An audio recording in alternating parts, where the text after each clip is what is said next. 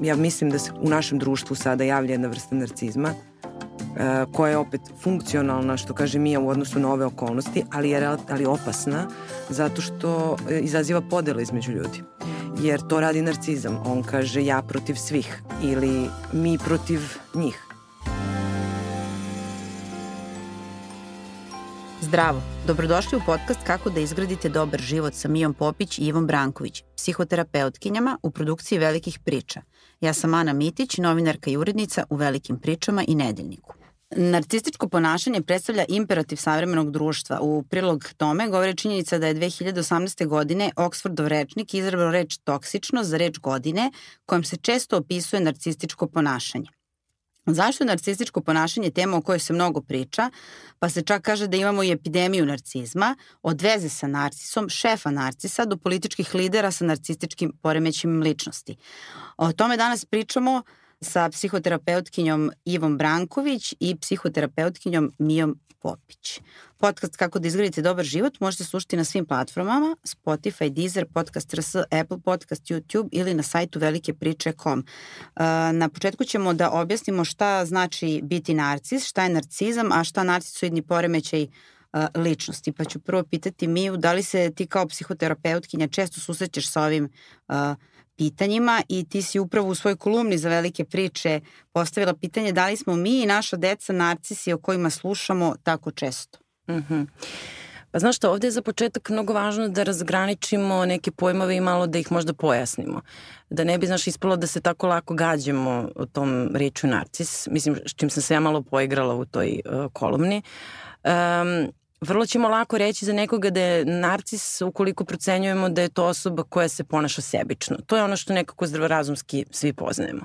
Ali ako kažemo narcistički poremećaj ličnosti, onda to uh, je ipak malo složenije, malo kompleksnije i podrazumeva diagnostičku kategoriju i potreban je e, čitav spektar ponašanja uh, da bismo stvarno zaključili da neko jeste narcistički poremećaj ličnosti. I o tome ćemo danas govoriti. Kad kažemo narcizam, nekako ima smisla da kažemo da, da većina nas ima neku narcističku crtu. Dakle, mi možemo da imamo možda izražen narcizam, a da nismo poremećeni i to samo po sebi ne mora nužno da bude loše. Mislim sad i o tome možemo da polemišemo, e, da li uopšte može da se priča o zdravom i nezdravom narcizmu, tako da možemo i toga danas malo se dotaknemo, ali da, narcizam je najčešće crta ličnosti ili osobina koju potencijalno mogu mnogi od nas da ispoljavaju. Narcistički poremećaj ličnosti je jedna diagnostička kategorija i e, prosto zahteva uh, jedan spektar simptoma i ponašanja na osnovu kojih ćemo mi zaključiti da neko jeste narcistički poremećen. A kako prepoznati narcisa? Ti si uh, negde objasnila da, da su oni ogledalo nesigurnosti. Uh mhm. -huh. Da li je to narcis? Mm, pa, znaš kako, mi kad govorimo o, o narcisima, i sad reći ćemo narcis, kad kažemo narcis, mislimo narcistički poremeće Ali ličnosti. nije. Ja, ajde da se složimo da sad dok mi razgovaramo tako biće nam lakše. Dobro. Ali dobro. ovaj, da, neće svako za koga kažemo da je narcis, narcis nužno biti poremećen. Mhm. -huh. Ali u ovom našem razgovoru da malo olakšamo. Dakle, narcis je uh, osoba koja ispoljava određena ponašanja kao što su manjak empatije, uh, preterana grandioznost, uh, doživljaj privilegovanosti u smislu pravila koja važe za druge ne važe za mene. Jedna vrsta arogancije, kontrola, manipulacija, laganje, e, površnost, e, jedan onako imperativ se stavlja na to kako ja sliku emitujem i kako sam percipiran. I sad sve ovo što sam ja rekla, sve ti to možda izguglaš i da pročitaš u raznim knjigama.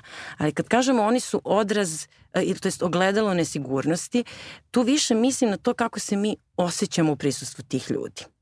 I to često je jedan indikator o koji se mi oglušimo i prosto ne, ne primetimo ga, a to su ljudi koji kod nas aktiviraju osjećaj nesigurnosti zato što se i sami tako osjećaju. I da li tako možemo da ih prepoznamo kad imamo taj osjećaj? Ako smo dovoljno vešti da čitamo taj osjećaj i da nekako proverimo da li se on dominantno uvek pojavljuje sa tom određenom osobom. Jer je onda velika verovatnoća i to je ono što narcisi jako lepo rade.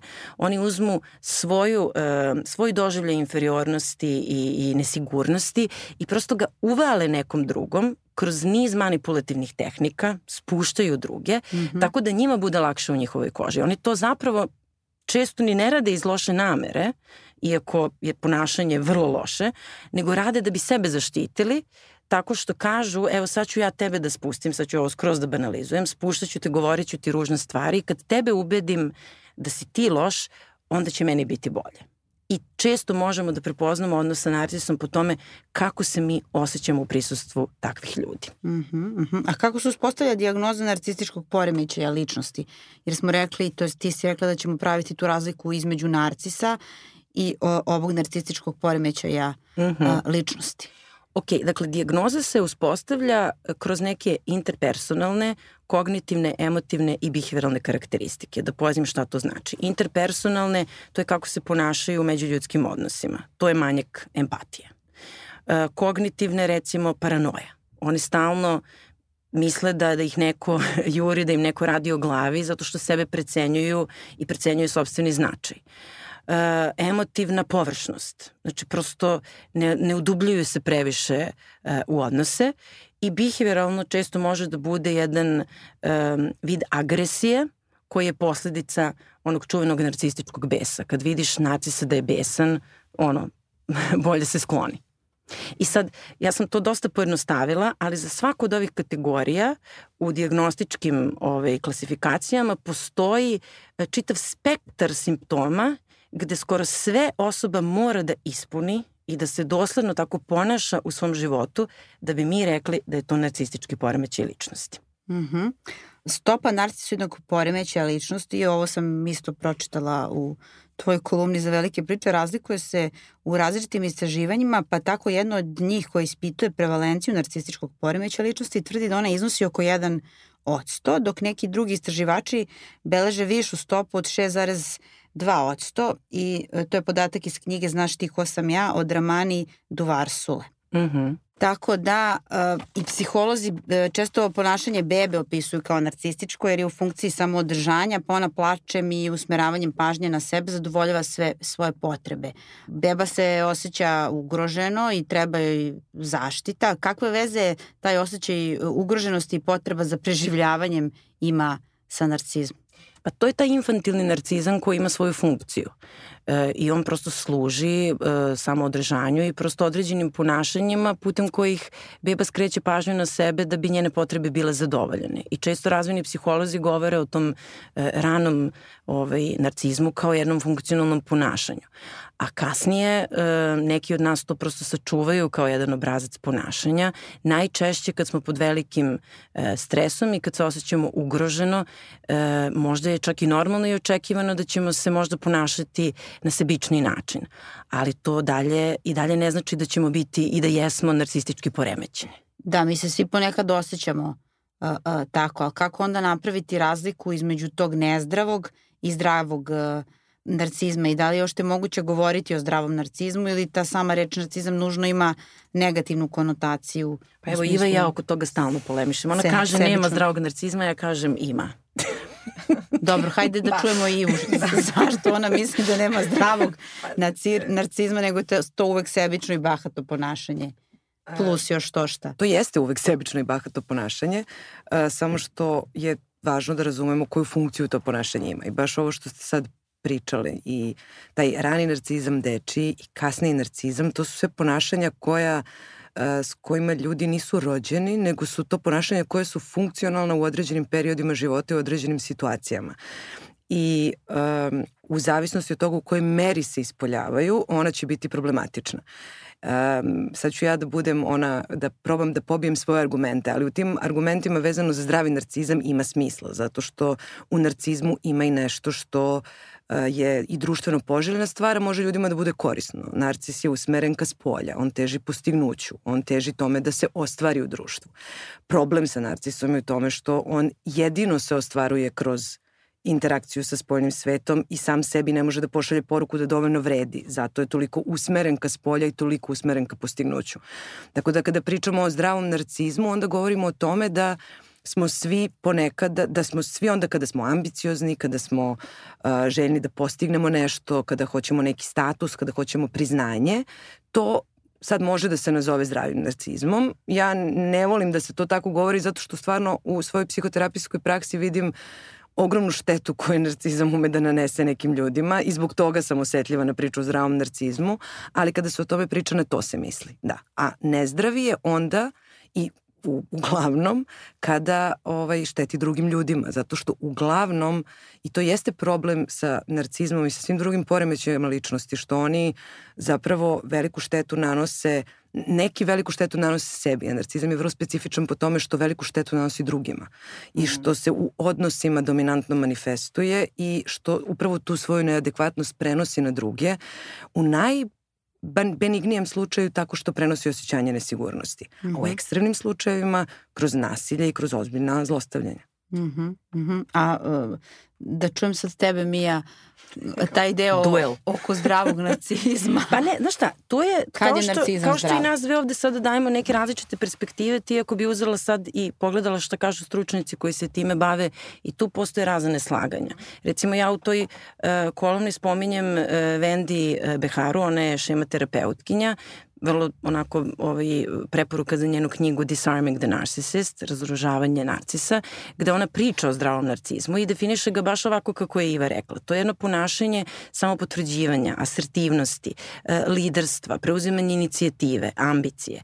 Šta tu jeste problem i sad tu imamo drugu autorku koja se isto, ona je stvarno život posvetila ovoj temi, to je doktor Karamani. Uh, ona kaže da je prosto čak i neprimereno da za narcistički poremećaj ličnosti kažemo da je dijagnoza, zato što je to uvreda za sve one koji imaju dijagnozu koja u sebi nosi određenu patnju. To znači da ako imamo nekoga ko je depresivan, anksiozan, panič, ima panične, panični poremećaj, e, prosto nije fair da mi kažemo i za jedne i za druge da je dijagnoza, jer jedni pate, ovi koji su recimo depresivni, oni pate, a e, zbog narcisa uvek pate drugi, a ne pati on. I zato ona kaže, ajde da prosto stvari zovemo pravim imenom, to je bahato ponašanje, ružno, bezobrazno ponašanje i ne bismo čak ni trebali da ga zovemo dijagnozom, jer onog trenutka kad kažemo da je to dijagnoza, tu se dešava zamka, pogotovo u partnerskim odnosima, uh, uh, ajde da mu pomognemo ili da joj pomognemo. To je poremećaj. Njoj, ona sigurno pati ili on pati. Ajde sad nešto da uradimo tim povodom i onda nam ta diagnoza služi kao svojevrsna racionalizacija i opravdavanje jednog ružnog ponašanja. Tako da, m, ne znam šta da ti kažem, ja prosto želim da verujem da zdrav narcizam postoji, ali ovako definisan, ali možda je sad to samo više stvar terminologije, zato što, evo, ako pitaš doktorku eh, Ramani, eh, ona bi možda i narcizam izbacila i samo bi rekla to je prosto bahato i bezobrazno ponašanje. Ona je dosta tu stroga, ali ja moram reći da onako sam njoj mnogo više naklonjena nego nekim drugim autorima koji se bave ovom temom. A, moram sada da vas pitam, eh, kada je u pitanju vaša psihoterapeutska praksa, zanima me uh, prvo šteta koju narcisi nanose drugim ljudima. Na što su se žalili ljudi sa kojima ste vi razgovarali, a koji su bili u vezama sa narcisima, da li su bili u partnerskim odnosima ili su imali narcisa šefa ili su imali narcise roditelje? Karakteristika odnosa sa narcisom je ovo što je, što je Mija rekla, to je to osjećanje nesigurnosti, a jedna isto važna karakteristika takvog odnosa je kontrola, uh, uh, laganje i manipulacija i uh, jedno nepouzdano i neizvesno ponašanje.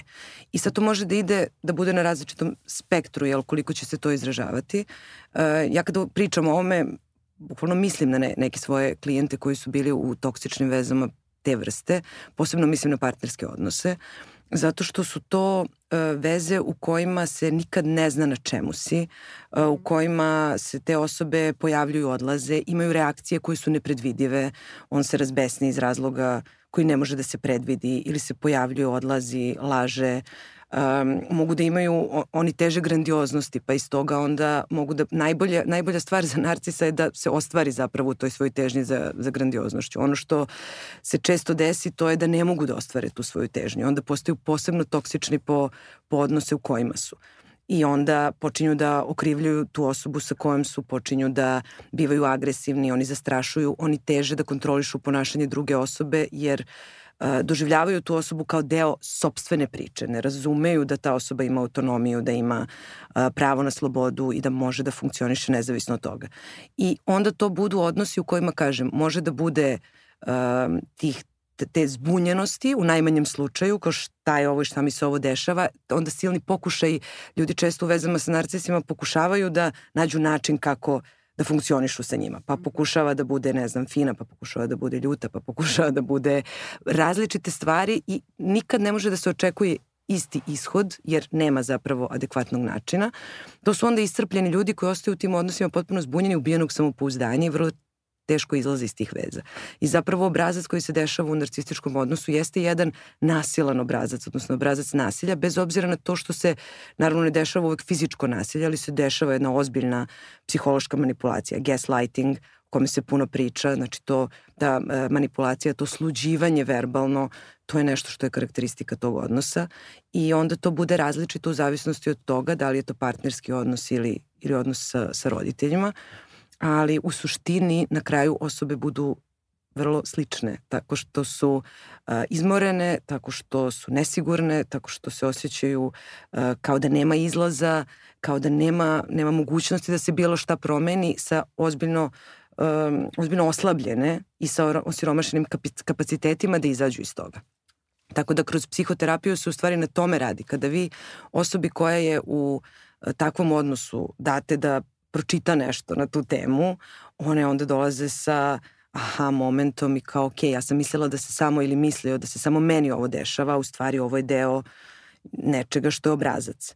Upravo zato što nije toliko često. Mislim, puno se priča o tome, ali baš od, ovaj ozbiljan jel, poremeći ličnosti ili ozbiljan narcizam se ne dešava toliko često i tu se ljudi koji su u tim odnosima osjećaju usamljeno, jer misle da igraju na nekom terenu koji je svima poznat, a to je zapravo potpuno drugi teren i potpuno su druga pravila, potpuno su nepredvidiva i, i onda iz toga izlaze ovaj, baš, baš umorni, iscrpljeni i, i potrebno je mnogo podrške.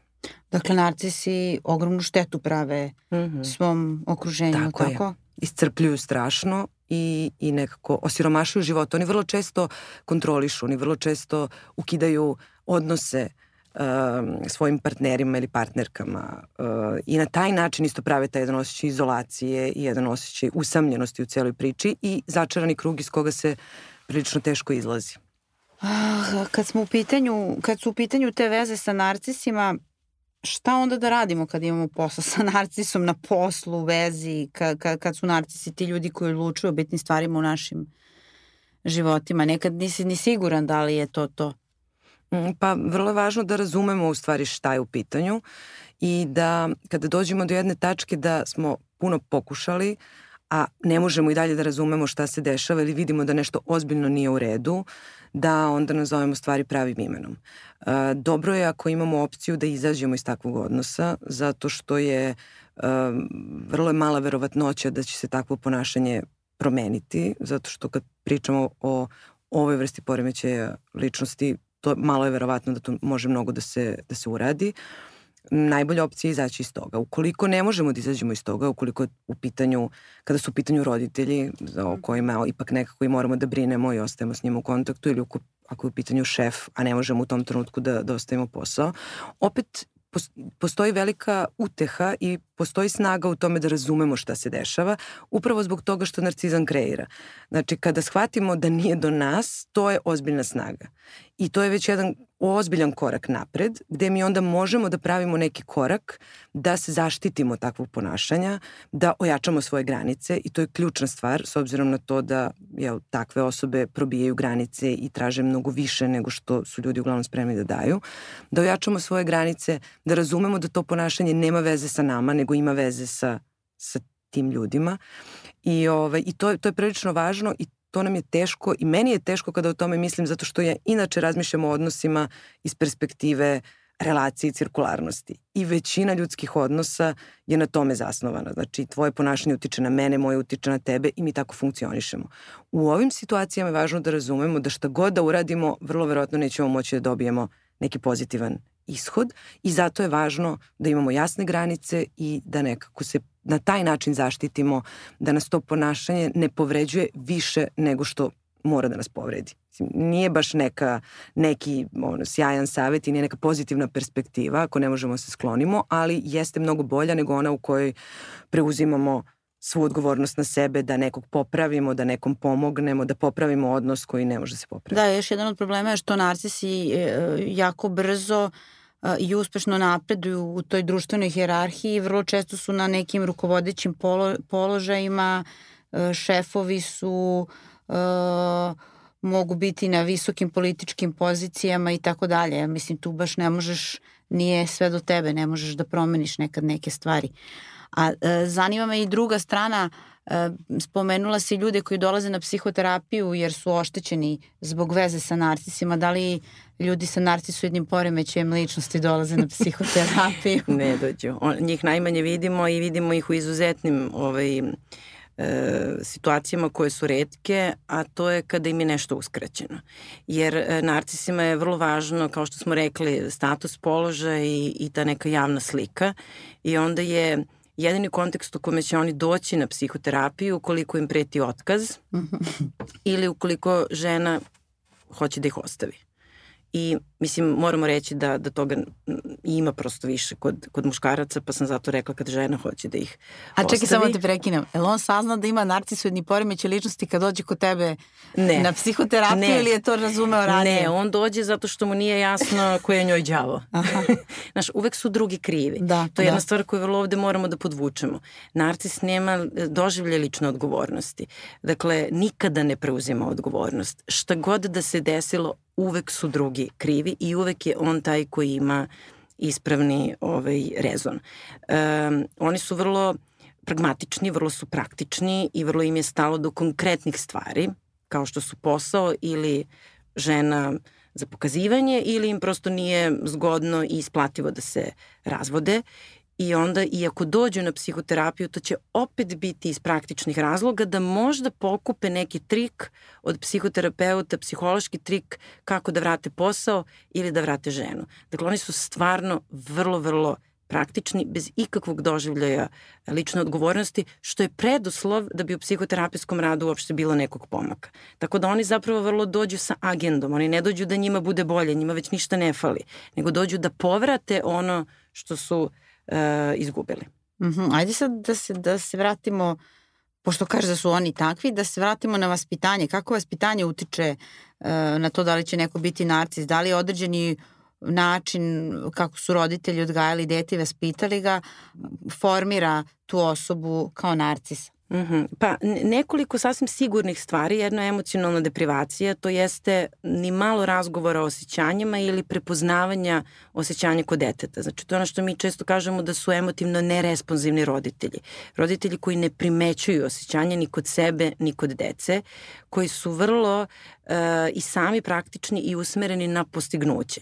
Dakle, narcistički poremećaj ličnosti sad kako nastaje, tu je puno faktora, naravno da uvek ima neka genetska ovaj, datost, ali ona ne mora da presudi. Ono što često presudi jeste upravo vaspitanje koje je usmereno na postignuće i na spoljnu sliku i to, to su ona deca koje su ono od malih nogu prosto driblani, imali su jedan spartanski ovaj, e, vid podizanja gde se od njih puno očekivalo i oni su rano naučili da to koliko vrede ili koliko su voljeni ima veze s nečim s polja.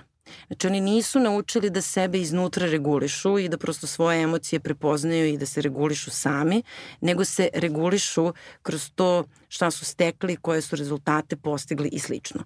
To je jedan vid vaspitanja koji najčešće vodi ka grandioznom narcisu. To su ti za koje kažemo da su uspešni na pozicijama, imaju određeni status, imaju neku javnu sliku.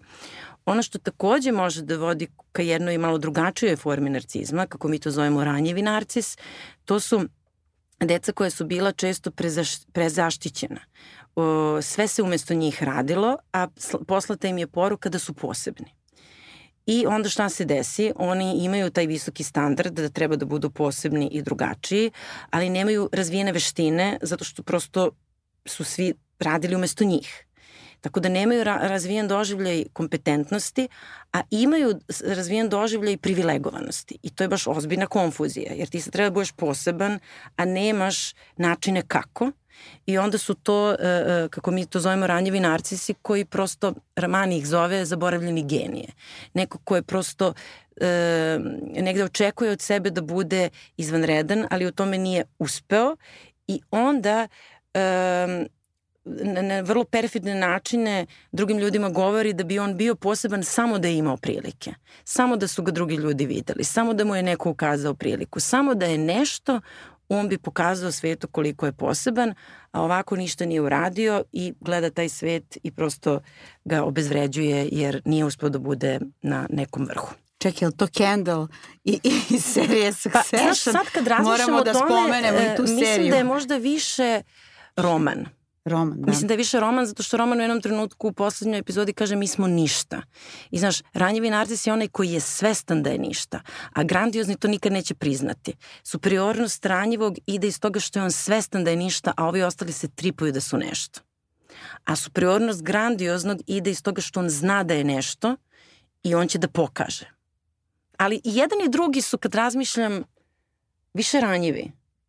Pa da, meni sva deca roji deluju kao ranjivi narcisi. Iako je ovaj roman najvidljiviji. On pokazuje, on najviše ali, pokazuje. Da. da, a oni su, jer sama činjenica da oni van tog konteksta u kome su ne mogu da zamisle neku, ne, nešto za sebe, govori da, da, mis, da su svesni da nemaju veštine za bilo šta drugo. Mm. Ali da, ime, ja sad isto razmišljam. Ali da Šiv je najšil, naj, najžilavija. Pa ona je možda taj grandiozni narcis. A naša, niko od njih nije grandiozni, zato što mm -hmm. njima kontekst nije uopšte dozvolio da oni razviju bilo kakav osjećaj grandioznosti, jer mhm. njih je, njih je otac stalno podsjećao da oni ne vrede ništa. I samo bi im dao ponekad nešto ukoliko je to bilo u funkciji njegovog cilja. Tako da i tu je važno spomenuti kad pričamo o vaspitanju, da su to u principu često deca kojima je poslata dvostruka poruka. Ti si nešto, ali si u stvari ništa. Nešto si kad ja odlučim, ali najčešće u funkciji nekog mog interesa. Da. A kako da ne odgajamo narcise, ali vratit ćemo se na seriju. da. E, pa znaš što, to je baš teško pitanje. Mislim, e, nema sad kao radite ovo ili nemojte da radite mm -hmm. ono. Za početak treba da budemo emocionalno pismeni. To znači da moramo malo prvo da pogledamo u sebe i da razvijamo emocionalnu pismenost da bismo sa decom mogli o osjećanjima da razgovaramo. Znači to je prvo i glavno i nekako opšte. A ono što je drugo jeste da im ne šaljemo poruku da njihova vrednost zavisi od postignuća, već da se malo više bavimo time kakvi su oni ljudi, kakve vrednosti imaju, koliko je empatija važna i koliko bi trebalo u stvari da empatija bude važnija od postignuća. Dakle, mi možemo da postičemo kod svoje dece vrhunske rezultate, da nas sad roditelji koji ovo slušaju ne svate pogrešno, ali da pored toga uvažavamo njihova osjećanja i to da čak i kad ne postignu te vrhunske rezultate, da su oni i dalje ok ljudi. Dakle, da ih učimo da sebe prihvataju uh, i kada im ne ide, a ne ono uslovno prihvatanje, dobar si samo kada postižeš. Vratit ćemo se sad na ovu seriju Succession. Da li je tu stvari serija o narcizmu i da li je, da li je Logan Roy isto narcis? I sva njegova deca. Pa znaš šta, ja mislim da on psihopata. Mm? E, to, to je isto jedno pitanje. Moramo napraviti razliku između narcisa i, i psihopate. Pa, ja, ja stvarno, ja, ja još uvek uburim sa tim terminima i, da. i prilično mi je teško da napravim jasne distinkcije. Oni jesu Logana Roya napravili kao uh, sve. znači, da, on je baš sve. On je baš sve i sigurno postoji takav čovek u stvarnosti, ali meni je to mnogo strašno da, da zamislim jer su po svim, kao da su uzeli sve priručnike i uzeli karakteristike, da. to psihopatska uh -huh. struktura, narcistična uh mhm. -huh. i, i napravili njega. Tako da je on baš jedna, jedna strašna kombinacija, ali jedno dobro, dobro otelotvorenje uh, poremećaja, odnosno toga kako se, kako se on manifestuje i, i kakve efekte može da ima. I mislim da je to nešto što je stvarno fenomenalno u seriji, što nam pokazuje kako, uh, kako takav poremećaj funkcioniše dobro u poslovnom svetu, jer zastrašuje, a u, na tim nekim visokim nivoima to očigledno prolazi, mada mislim da prolazi na svim nivoima, jer to je problem sa sa narcizmom i zato se mi ne snalazimo, zato što on ima jednu vrstu bahatosti, jednu vrstu drskosti koja nam je čak na neki način i privlačna. Mm. Jer bismo svi voleli da budemo tako da možemo da radimo šta god hoćemo ili bar maštarimo o tome. Znamo da to nije društveno prihvatljivo. I onda kad smo u kontaktu sa tim ljudima mi onda pomislimo pa eto to može. Neko, neko se tako ponaša i to ne da mu je samo dozvoljeno nego on na osnovu toga jeli, ima neke benefiti koristi. I, I mislim da je to isto zanimljivo da vidimo, a s druge strane nakon što postane, nakon što je fascinantno, onda je zastrašujuće. Pa ni sa tim ne znamo šta ćemo, jer kad vidite da neko nema jasne granice i da neko zaista može da uradi bilo šta, prirodno se uplašite, pa mu je opet sve dozvoljeno. I onda je zanimljivo kako to u toj, toj seriji vidi i posebno ovoj poslednjoj sezoni gde njegove deca pokušavaju slične stvari koje je radio on, ali to ne prolazi. To zaista prolazi samo ako neko je takav da autentično veruje da to njemu može da prođe, da to njemu može da pripada, a to zaista samo može poremeći ličnosti i onda je to za gledanje fenomenalno, a za život katastrofa. Da, tako da dijagnoza mu je da je strašan. Jeziv je. Jeziv. Ali ima još jedna jako zanimljiva scena u seriji Succession. Uh, to, su, to je svađa Šivon ili Šiv i njenog supruga Toma i o toj sceni se jako puno polemisalo i ja sam pričala sa, sa Mijom o tome, a je nam ta scena daje vrlo realističan prikaz kako izgleda narcistički bes i povređenost mm. i kako izgleda u stvari veza između dva narcisa. Ja, znaš što je meni super? Što ja kad si me tip to pitala, mislim, onako baš sam se uživala i bila sam sigurna da, da, će, da će oni da se pomire i rekla sam pomirit će se iz praktičnih razloga, jer kao mi tu imamo u toj sceni zapravo dva izneverena narcisa mm -hmm. koja jedno drugom kažu uh, nisi mi poslužio trebalo je da mi poslužiš, trebalo je da budeš sredstvo da ja dođem do nečega. I znaš, to je, ljudi kad kažu u svakodnevnom govoru neko me je izdao ili povredio, je kao ti si meni, ne znam, rekla nešto ružno ili prosto povrijedila si mi osjećanje. A na, na jeziku narcizma to je ti mi nisi poslužio kao sredstvo, a dogovorili smo se da ćemo zajedno da se ono penjemo gore. I meni je to toliko bilo zanimljivo i kad si me pitala to kao da će da se pomire ili neće, mislim svakome normalno bi delovalo da posle tako izgovorenih reči nema nazad, ali niko, mislim ja stvarno nisam očekivala tako ovaj, fenomenalan kraj, mislim ovo poslednje epizode je stvarno ludilo, gde ti nju tačno vidiš da ona kao pravi narcis kalkuliše šta je meni ovde praktičnije. Mm -hmm. Pa naravno da ću da budem žena ono novog CEO-a, I to ono što si ti lepo rekla juče, žena iz senke, ali kao svejedno ja imam moć. Moć je ta koja se računa. I njih dvoje koji su ono seli i samo nastavili, prešli sve ko, preko svih tih teških reči i sve te povređenosti, zato što i ta povređenost nije ono ljudska povređenost, nego je samo dok se ne vratimo u moćnu poziciju. Onda možemo da nastavimo kao da ništa nismo izgovorili. Da, i opet je njena ruka u njegovoj ruci kao da ničega nije bilo. Ali Ivo ti si tu zapazila nešto za tu ruku, vrlo zanimljivo. Pa da, oni, oni se ne, ne uhvat, ne drže se za ruku, oni se dodiruju.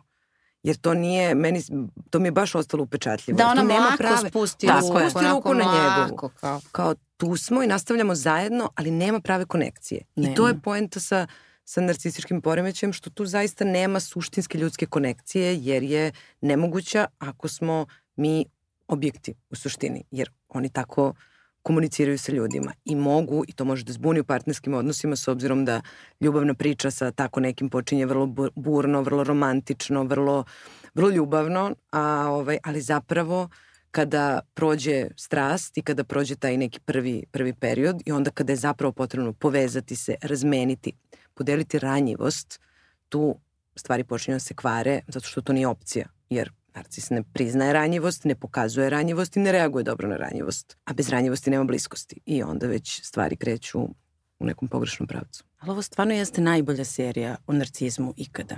I evo mi sad dok razgovaramo, ja ne, ne mogu to da, da tvrdim, ali mogla bi ono da se kladim da je ona grandiozni narcis, jer ona pronalazi načine kako da sačuva moć i kako da odigra tu igru. Njih dvojica su ranjivi narcisi kojima stalno nešto malo fali za dlaku. Ti sad pričaš o Šivon i o, o, Šivon o, braći, o braći. O Romanu i A otac Kendallu. mi je ono narcistički poremećaj sa uh, ozbiljnim primesama psihopatske strukture. Jer to kako on igra, koliko kod njega mi ni u jednom trenutku, znači šta, koja je dominantna emocija njegova? Ljutnja i bes. Mislim, to je baš psihopatija. Ja ne znam, evo kad gledam tu seriju da kod njega na njegovom licu nikada nisam videla bilo koji drugi izraz osim ozbiljnosti, besa i e, spuštanja drugih ljudi i jednog užasno agresivnog humora. On kad je nervozan, on traži od drugih ljudi da jedni druge prozivaju da bi se on zabavio. Sećate se te scene? To je bilo nešto, sad ne mogu da se setim u, kojoj sezoni, ali bukvalno pravi od njih marionete i ajde zabavite me tako što ćete jedni druge da povređujete. Što me to podsjeća na neko. Doći ćemo i do toga, na, na koga te podsjeća. Da. Polako, to da. ide na, to je za kraj. Ovaj, samo da se još jednom vratimo na, na scenu kad se svađaju Šivon i Tom, njihova veza se u stvari, pošto je to veza dvoje narcisa, njihova veza se isto vrti oko toga ko će imati uh, veću moć i, i, i zapravo služe jedno drugom za postizanje uh, cilja. Da li veza sa, sa narcisom može onda da ima neku perspektivu? Pa ovakva može. Dokle god je uh, organizovana oko istog interesa, apsolutno može, ali će svako malo, kad se poljulja, poljulja taj odnos moći, ovaj, krizirati, ali će se verovatno uspostavljati ponovo kad se, kad se moć vrati. Dobro, sad se opet vraćamo na priču početak veze sa narcisom. Uh, od, i je stručnjak za to. Zašto to na početku bude tako sve super, fenomenalno i onda samo u jednom momentu se desi uh, ta tačka kad, uh, kad ti shvataš da uopšte nije tako kao što je na početku izgledalo i kad je on bio divan i tako dalje. I uh, da li možda to može da pomogne ljudima da shvate da imaju, da su u vezi sa narcisom? Uh, taj preokret. Taj nagli. preokret, taj, ta nagla promena. To može, mada i ovaj prvi period isto može da, da ljudima već malo bude znak za uzbunu. Kada pre nego što smo se zapravo upoznali, neko uh, posle nedelju dana, posle dve nedelje kaže ti si osoba stvorena za mene, ti si, ne znam, žena, muškarac mog života, uh, to sve lepo zvuči, malo su nam filmovi to napravili problem zato što nam kažu da to zapravo može, a ne može i redko je vrlo, zapravo je skoro pa nemoguće. Tako da to su neki prvi indikatori. E, narcis tako uleće zato što, e, kao što je Mija rekla, je emocionalno površan i zato što e, ljude ne doživljava celovito i kompleksno, nego ljude doživljava isto tako površno. I kada upozna osobu koja ima neke karakteristike, To su uglavnom, mogu da budu različite, ali to odgovara mu socijalni status, odgovara izgled, odgovara razne, razne neke ovaj, stvari koje mogu da budu odgovarajuće. Onda pomisli, aha, to je to, ja sam našao taj komadić koji meni nedostaje i nema tu šta ni da se promišlja, ni da se upoznajemo, ni da to bude nešto sad kompleksnije.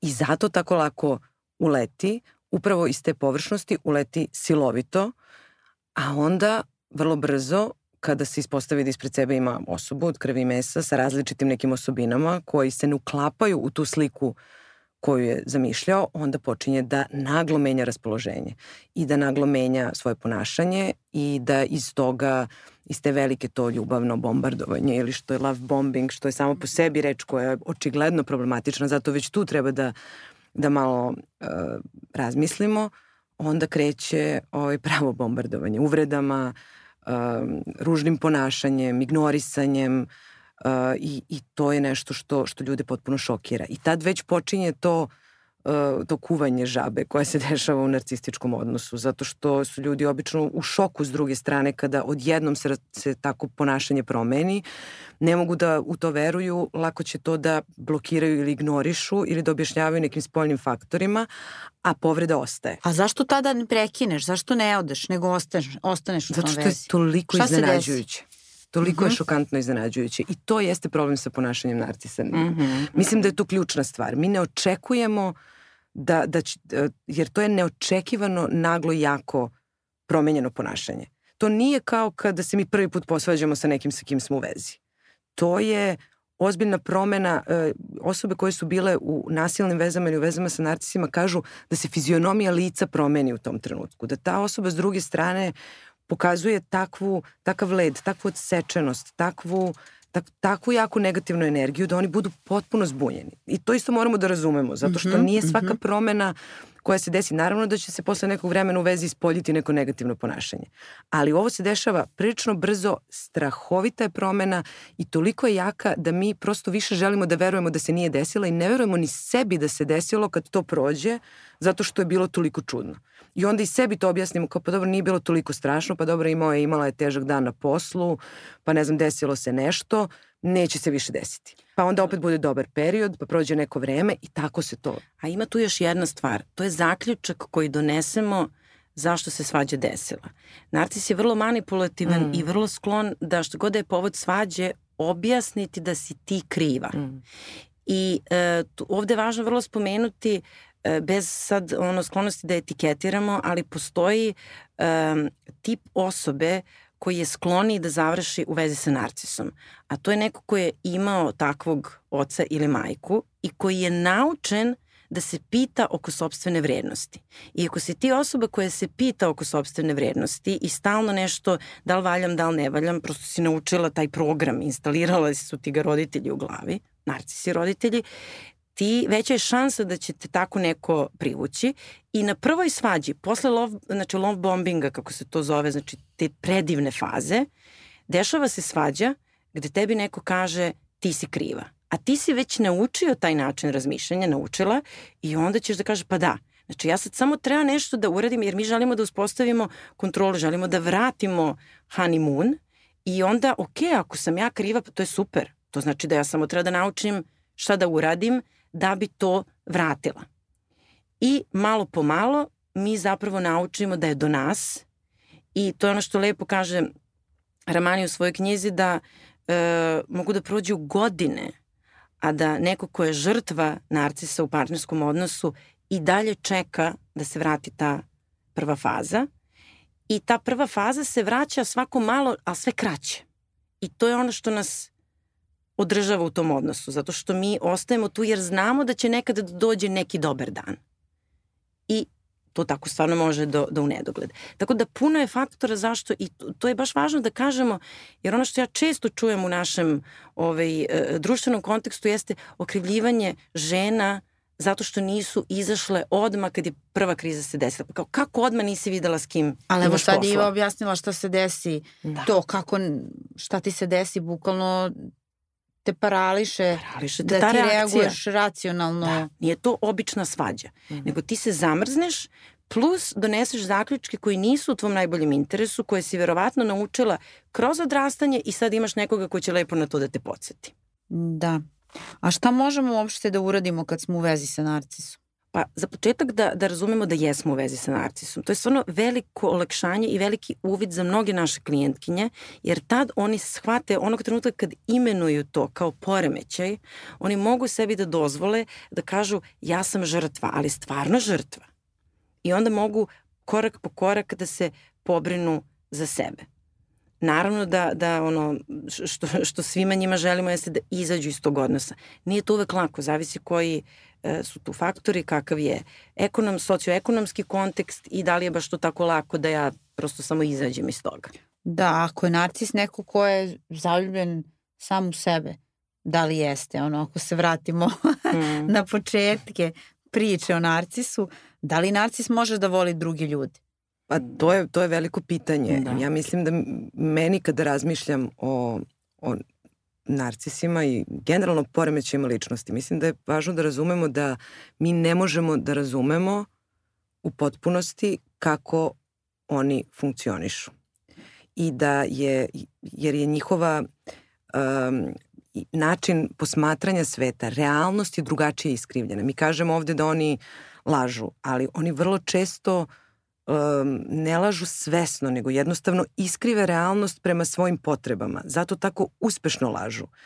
Kada vole, to deluje kao da vole mnogo, ali vole, deluje kao da vole jače i ta ljubav vrlo brzo prođe. Tako da ja verujem da oni misle da da vole i da imaju sva osjećanja i imaju sva osjećanja koje imaju svi ostali ljudi, ali je to tako drugačije da mislim da mi potpuno pričamo o nekim uh, različitim terminima, kod da pričamo o različitim jezicima. Mm. Zato je tu, to je, to je, nije loše da, da se podsjetimo i da imamo na umu, da zato je teško da zapravo opstane veza ili brak u toj priči. Zato je teško napraviti neki kompromis ili konstruktivnu priču ako imamo roditelja koji su takvi.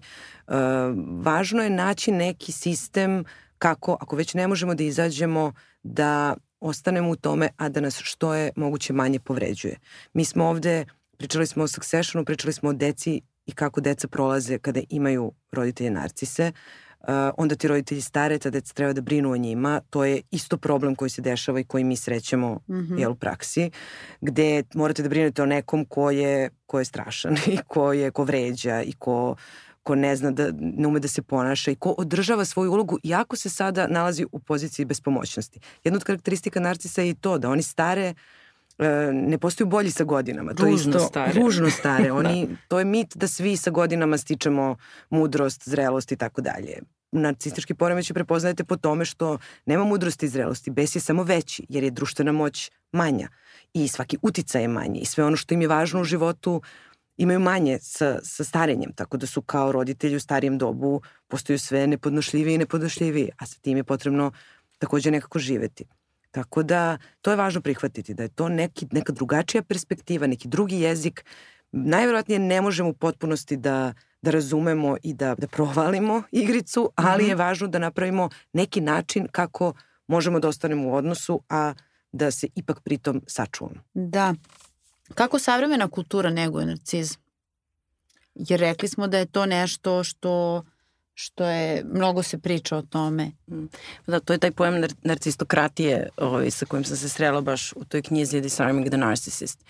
Pa na razne vrlo kreativne načine, a to je glorifikovanje uh, uspeha, popularnosti, onoga što je Andy Warhol rekao pre par decenija da će svako imati svojih pet, 15 minuta slave i evo ga, vrlo je mm -hmm. lako imamo oruđe za to kroz jednu vrstu i, i emotivne površnosti i generalno propagiranja takmičenja, postignuća i e, tog nekog doživljaja, mi smo o tome malo pričali kroz razgovor o toksičnoj muškosti, a to da je život i svet jedna džungla gde ili ćeš da pobediš ili ćeš biti poražen i sve to zajedno je uh, vrlo dobra osnova da se, da se rodi narcističko ponašanje. A taj osjećaj um, osjećaj ugrožen, ugroženosti ili osjećaj oskudice, uh, što je recimo naše realno stanje.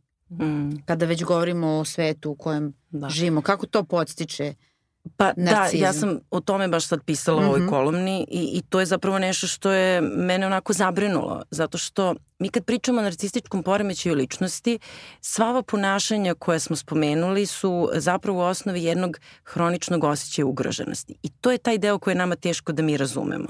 Dakle, ja ću povremeno da se osjećam ugroženo. Nešto će prosto da poljulja moj doživljaj stabilnosti i osjeću se ugroženo, ali narcis se stalno tako osjeća e, on je stalno u doživljaju oskudice čak i kada ima puno. To smo videli u Successionu sa ono milijardama i čudima i dalje se brinu da će bez nečega da ostanu. Da, oni imaju sve i znači, više što, nego što im treba. Što znači da kod narcističkog poremećaja su doživljaj ugroženosti, oskudice i nepoverenje neutemeljeni.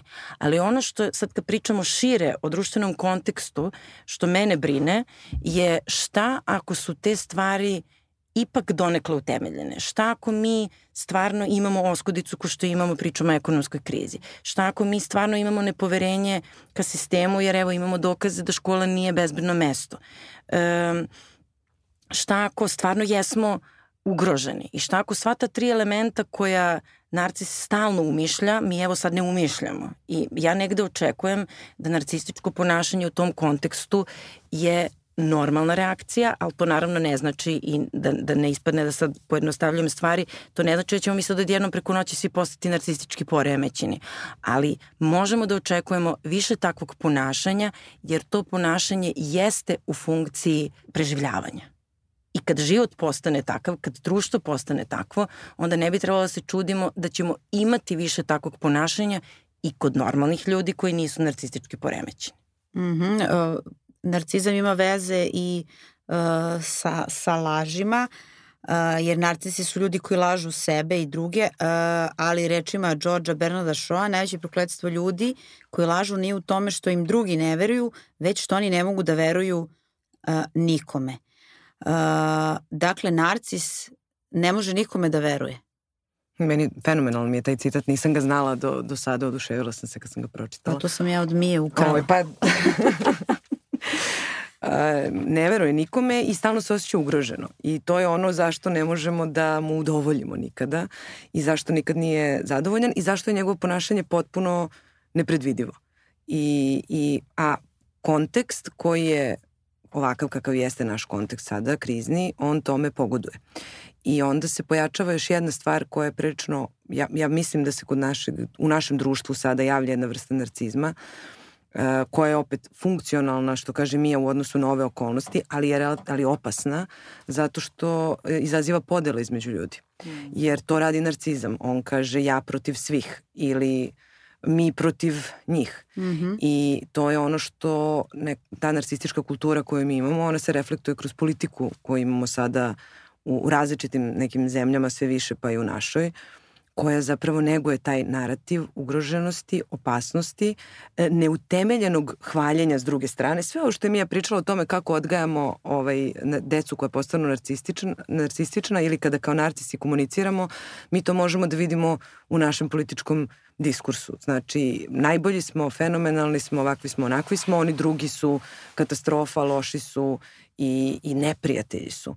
I, I to je ono što je opasno zato što zapravo, ok da političari pričaju različite stvari, ali uh, opasno je ako to leže na tle na kome će to da se primi. Zato što, kao i kada pričamo o narcizmu, to može s jedne strane da bude uh, jedna ok priča jer imamo neku demokratiju u kojoj različiti ljudi glasaju za različite strane pa je to u redu, ali ukoliko, ukoliko, ukoliko imamo veliku krizu i ukoliko imamo stvarno veliku oskudicu ili osjećaj oskudice, ili osjećaj nepravde, onda te razlike mogu da dovedu do eskalacije, pa u vezi to može da bude nasilje, a naravno da i u društvenom kontekstu može da bude nasilje, što je jedna opet prilično uh, opasna i zabrinjavajuća priča. Tako da ta priča o narcizmu, kad se, a one se stalno prelivaju sa individualnog na društveni nivo i nažalost podstaknuta je time kako smo se kao društvo razvijali do sada, krenula iz nekih dobrih namera, iz humanizma, iz individualizma, iz samorazvoja i tako dalje, a onda je legla na tle uh, E, čini mi se da krajanje pojednostavim kapitalizma i kapitalizma koji se ne snalazi baš najbolje pa je finansijskih kriza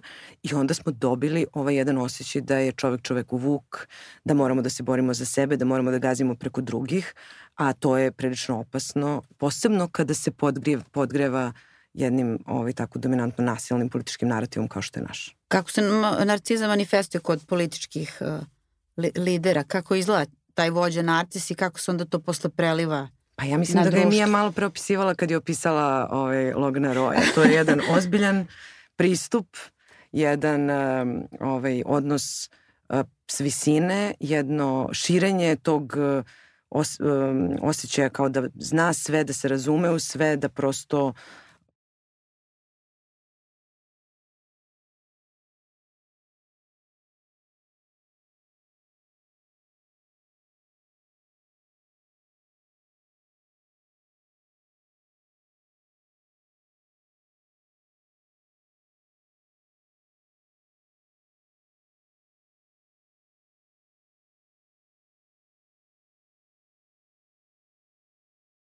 indikator, mm. jer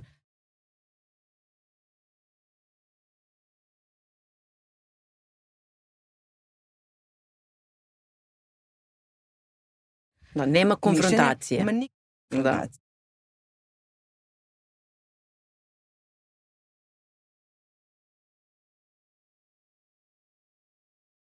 I to, jo, je, jeste. to je onako isto jedan Jeste, priličan. toga isto nema kod Logana. Mm. On uopšte nije zabavan ni malo. Pa šta, narcisi ne, nisu Ne, neki jesu, duhoviti. ali... Ne, ne, neki jesu, ali... Ovi sa psihopatskim... Ovi sa psihopatskim uh, crtama nisu, oni su izuzetno ozbiljni. U stvari, znaš šta, jedna reč to sve može jako lepo da objasni. To je omnipotencija. Ja sve znam. I ja sam svugde uključen i apsolutno ne tolerišem da me bilo ko na bilo koji način konfrontira. I to je to. To je to. I bahat sam i bezobrazan, Tako to isto je. mora da se doda. Ili bahata sam i bezobrazna. Stvarno da budemo da. fair, ima, ima žena u ovoj priči, mi govorimo o muškom rodu zato što je zgodnije, zato što sam termin narcis je takav. Pa nije više zato što je zgodnije, nego ih ima više. Ima više, ima više muškaraca, ali zaista pravda za one ove, da. ljude koji su nastradali od žena narcisa, manje su vidljive, a, a podjednako ovaj, nanose štetu odnosima. A moram da pitam još jednu stvar, kako narcisi manipulišu? Uh, da, to je baš dobro pitanje. Pa manipulišu tako što koriste Um, znaš kako, Mar... E, ovako, to ti je super, recimo baš iz serije možemo to da izvučemo. U poslednjoj epizodi, kada se dešava konflikt između njih troje, uh, sećate se uh, kada Šiv se premišlja i oni dođu i sad svi tamo dešava se onaj čitav ovaj, haos. U tom trenutku uh, protiv uh, Kendala, brat i sestra, izlače informaciju koju smo i mi zaboravili a to je ti si nekog ubio. Mm -hmm. Znači, kako se odigrava ta manipulacija? Narcis će u nekom trenutku da izvuče tvoju slabost na koju si i ti zaboravio. I to te potpuno Tako, slomi. I to te potpuno slomi, ali on nikad neće zaboraviti. Zato što sve što on zna o tebi, svaka tvoja slabost je oruđe u njegovim rukama da dođe do svog cilja. To je znači prvo. Oni manipulišu e, koristeći naše nesigurnosti, informacije o nama, sve ono što smo rekli u poverenju zato što smo se zapravo zeznuli, jer tu nema priče o poverenju. Mm -hmm. I mislim, to je to prvo što mi pada na pamet. Sigurno sam da ima i raznih drugih načina jer su manipulativne tehnike neistrpne kad, kad pričamo o narcisima. Da, evo još jednom da, da se podsjetimo da narcisi nisu ljudi samo u biznisu, te ajkule o delima ili ovi likovi mm. Successiona, znači ima ih e, u politici dosta, znači na visokim položajima, ali nisu ni samo ljudi na položajima, je li tako? E, ima ih puno u humanitarnim organizacijama. To je paradoks. A zašto? E, Kako to objašnjavaš? Pa zato što kad razmišljaš šta je u stvari e, cilj narcisa, to je da bude priznat je li tako? A ti možeš da budeš priznat na razne načine. I e, društveno osvešćeni narcis, kako se on u literaturi često definiše, su ljudi humanisti koji se izdaju za neke, e, kako da kažem, važne misije, prosto imaju neki vrlo srshovit život, ali koji padaju na testu elementarne ljudskosti u recimo porodičnim odnosima. To znači da narcistički poremećaj ličnosti može da ima žena koja je recimo na vrhu neke humanitarne organizacije i čuda čini u smislu raznih nekih mirovnih misija i čuda, ali kao majka apsolutno je neresponsivna i neempatična i hladna. Tako da je vrlo važno ovde ako hoćemo da uvažimo tu neku rodnu e, perspektivu, s obzirom da smo pričali dosta o muškim narcisima, da će njih možda biti više u politici ili u biznisu zato što je to negde rodno usklađeno sa onim što mi očekujemo od muškaraca. Ali e, ženski narcistički poremećaj će možda biti vezan za pomagačke profesije gde će oni tu grandioznost da crpe iz priznatosti na tom polju, ali će prosto kao ljudi biti hladni, neempatični i vođeni samo ličnim interesom. I to je često nama teško da povežemo, jer kao kako to sad humanitarna organizacija i narcistički poremećaj, ali prosto uh, on ili ona ne bira. Samo je bitno da bude na, na nekoj poziciji. I ta pozicija treba da bude društveno prihvaćena, ne mora da bude čak na čelu neke organizacije, može da bude kao što je upravo Šivro izabrala, ta žena iz Senke. Mi imamo mm -hmm. među domaćicama, među ženama koje Tako biraju je tu vrstu života takođe narcistički poremećaj Tako zato što je prosto ta oblast u kojoj one dominiraju, ona koju one prepoznaju kao značajnu. Ako govorimo o i o toj rodnoj zastupljenosti. Tako da nije uvek, najviše ih prepoznajemo to u odelima i na visokim položajima, ali možemo da ih prepoznamo i u drugim oblastima, odnosno u drugim društvenim ulogama, I, I to je isto važno zato što to ume da bude posebno zbunjujuće za ljude. Jer, jer to pojam narcisa vezuju to za muškarca u odelu na nekoj rukovodećoj poziciji. A to može da bude ovaj, žena domaćica, koja, majka, koja zapravo uh, nije naravno, kao što nikad narcis ne ostvari u potpunosti svoje ambicije i, i snove, koje je ostavila ozbiljne tragove na, na svojoj deci zbog, zbog toga što jeste. Ali je bitna pozicija moći. Po, moć jeste, da, status i moć jeste, mm -hmm. ali u zavisnosti od toga ko se gde nalazi u stvari. Da, I ko da. ima koji domet. Pa u mm -hmm. zavisnosti od toga će narcis prosto kreirati onda šta teži i čemu teži. Tako da će narcis u tom kontekstu, ukoliko sad pričamo o ženi koja je jel, brinula o porodici, ona stavlja strašan pritisak na svoju decu. Mm -hmm. Zato što ona osjeća tu svoju decu kao nastavak sebe, to je isto karakteristika narcisa da zapravo ne pravi razliku između sebe i svoje dece, nego jednostavno ih tretira kao sebe, očekuje od njih nešto što oni apsolutno ne videći ih, nešto što oni ne mogu da ostvare i tu se onda prave ozbiljne povrede. Moram da vam kažem nešto. Između nas ovako. Ajde, hoćeš da razgovaramo o tome, slušamo. Moram da vam kažem da sam ja shvatila iz ovog raz, razgovora da narcisima nema pomoći. Pa nema. nema. Da tu kao ne može ništa da se uradi, čak i ako dođu na psihoterapiju. Pa nema, da mislim, nema... kao što smo rekli, ne, ne dođu, najčešće dođu žrtve narcističkog ponašanja, oni dođu sa skrivenom agendom, ali da, nema im pomoći, oni prosto nemaju ličnu odgovornost, a da bi se nekome pomoglo ili da bi neko uopšte poželeo da, da sebi pomogne, mora da ima kapacitet za patnju. Oni to nemaju. Oni imaju vrlo uh, nisku frustracijnu toleranciju na bilo kakve emocije. Tako da kod njih je patnja samo ako nisu do, nešto dobili. Da, ali kako onda da se odbranimo od narcisa? Da li za početak, početak koji gledati seriju Succession, ko nije gledao? To sigurno. I koji biste vi savjet na kraju dali? Kako da se mi... Pa sklanjati se. Pa sklanjati se definitivno, ali i vrlo se pozabaviti svojim porodičnim poreklom i razumeti da se nikome narcis ne desi bez veze. Mi često ponovimo određene stvari i um, takvi ljudi nas privuku zato što neudoljivo podsjećaju na nešto sa čim smo se mi susreli kroz odrastanje i kad to prvi put prepoznamo i kad razumemo, onda zapravo možemo da izaberemo da se sklonimo. Ja bih rekla i okružiti se ljudima koji misle slično mm. i videti ta, na taj način se osnažiti. Sad ja možda, možda malo više pričam na, na društvenom nivou i na nivou društvenog konteksta. Uh, nekako naći snagu u, u zajedništvu i, i shvatiti da to jednostavno nije nešto što je što je nepromenjivo i, i neizbežno i u perspektivi glasati i menjati priču. Hvala vam.